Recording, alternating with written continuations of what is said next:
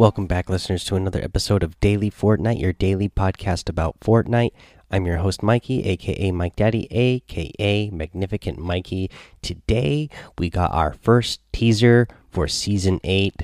Pretty awesome. We got a picture here with a little poem that reads X marks the spot, treasure abound, loot has been lost, can always be found. Four days to Season 8. Uh, and the picture here.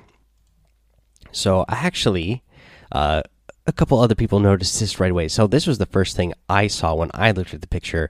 When I looked at the picture, I saw a mean looking dragon. So you could see when you're looking at it, there's mouth there, uh, and then uh, with some you know kind of like teeth and you know the picture is red so it's fire theme kind of like oh, what a dragon would be and you see the the head there with the eye but then the other thing you see here uh, that is the actual mouth itself and then goes around is a hook for a uh, pirate hook. So, you know, we've had some clues about dragons throughout the game, throughout season seven here with uh, dragon eggs and everything.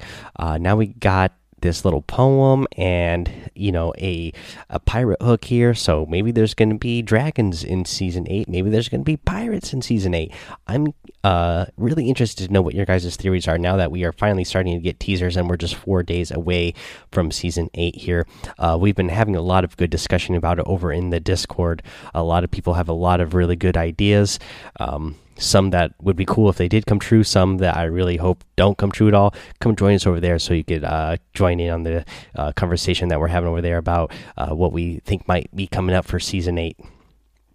Okay, guys. That's what I have for news. Actually, there's one other thing. Uh, if you are Save the World player, drift boards have been disabled in Save the World for now. Uh, apparently, they were causing some sort of issue, uh, and uh, so they're disabled in Save the World right now. Uh, let's see here. Let's look at our overtime challenges again, just to make sure that we are getting these done. Um, let me pick one off the list here. Um, well, here's one that is really simple, guys. Thank the bus driver in different matches. Really simple. You just have to remember to thank that bus driver. So many people forget to thank the bus driver at the beginning of the match make sure you get this one done. You have to do it seven times total, which should be really easy to do because I'm sure plenty of you are playing more than seven matches when you sit down to play. Uh, but definitely make sure you remember to thank that bus driver at the beginning of the match. Um, let's see here. There's there's a couple on here that you know you're going to want to have to you're going to have to uh, place top 10 in squads with a friend. Uh, you have to do that a few times as well as uh, place top 15 in duos with a friend. Um, you know, if you happen to see me on and I'm playing, I am more than happy to help you get those challenges done. Uh, and you need to get those done still, just send me an invite. And if I notice it, uh, then I will go ahead and play with you so I can help you get those done because I really want everybody to get that free uh, battle pass. Okay, guys, that's what we got for the overtime challenge here. Let's go ahead and move on to the next thing. Okay, and that next thing is the item shop. In the item shop today, uh, we still have some of the really cool uh, Robo Rebel set, uh, which includes uh, the Revolt outfit, the Rebel outfit, and that Crossroads harvesting tool. Again, uh, just going back to theories, you know, possibly something happening to Pleasant and Tilted with those street signs there being all beat up and destroyed, and especially with the Tilted sign there has delete spray painted over it. Uh, let's see here, guys. Also, we get the uh, Storm Familiars set in the shop today. Uh, we got the Tarot outfit, you got the Nara outfit, and the Gatekeeper harvesting tool. I like this set as well, guys. Uh, I'm a fan for sure. Let's see here. In the daily items, you get the Highland Warrior outfit. This is one I love for sure. You get the Battle Pass tiers um, at a discount right now. You get the Tracker outfit. You get the Cheer Up emote. Again, I like this one because, you know, you're, the cheerleader, uh, but, you know, your pom poms are the legendary bushes. So, how could you not be a fan of that? You got the cutting edge harvesting tool and the air horn emote. That is the item shop today, guys. If you are going to get any of those items, make sure you're using that creator code Mike Daddy M M M I K E D A D D Y in the item shop. I really appreciate the support if you go ahead and do that.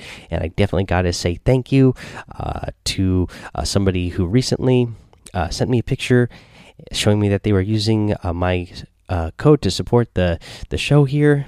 Um, who I'm pretty sure has uh, who hasn't sent me one before, and that is Rocket2K2K, also over there in the Discord. Thank you so much, my man, for using that creator code and supporting me. Uh, and then everybody else who's posting pictures again, uh, showing me that you're supporting me again. Thank you to all of you again as well. Let's see here, guys. Let's get to a tip of the day. I'm also going to uh, bring this one over from Discord uh, just to keep promoting that Discord. And I really want you guys to come over and join it because uh, we're having a lot of fun over there. Uh, this one comes from uh, I'm a Valiant James. Uh, and his tip here was um, let's see here. So usually he grabs an edit from someone, usually in a box. Uh, the first move he takes is to edit a window and quickly switch to his pump so he can grab a clean headshot. Uh, usually, uh, when he runs into a good player expecting the edit already, they have their headshot lined up on him through the wall. And a lot of the times when he makes that edit, you know, he doesn't have enough time to uh, make the edit and then switch back to his pump and get the shot off before that player who's good and expecting it gets their pump shot off. So he says, what a resolution to this problem instead of editing a window like most people expect, try editing the top three tiles of the wall uh, and then jump up to get the headshot. So if you guys don't know, you can edit out those top three uh, tiles of the wall and then it'll make like a little uh, half wall. Um, and then like he said here you can jump up and aim down uh, just a tad and uh, hit your opponent in the head and they're not expecting they're expecting you to hit that window and they're going to be usually aiming in the middle of the wall there. But if you edit out the top real quick and make a half wall they can't just aim straight. Uh, they're going to have to look up uh, but you know what you're doing so you're going to be able to edit that top uh, row out make that half wall and then jump and shoot um, and and then he says here, of course, this is completely unexpected for the opposing player, and I find it useful in all situations. Uh, thank you, Valiant James, for that great tip. I appreciate that, my man. Uh, let's see here, guys. That's actually going to be the episode for today. Uh, not a lot happened other than that teaser there. Uh, so pretty short episode. Make sure you go ahead and join that daily Fortnite Discord because there's been a lot going on over there. Uh, a lot of fun to just to speculate and um, you know come up with different theories and things. Uh, make sure you follow me over on Twitch, on YouTube, Mike Daddy on both of those places. Make sure you head over to Apple Podcasts, leave a five star rating and a written review. Uh, remember, we're still you know on the road trying to get 500 five star ratings. Make sure you subscribe so you don't miss an episode. Um, and until next time, guys, have fun, be safe, and don't get lost in the storm.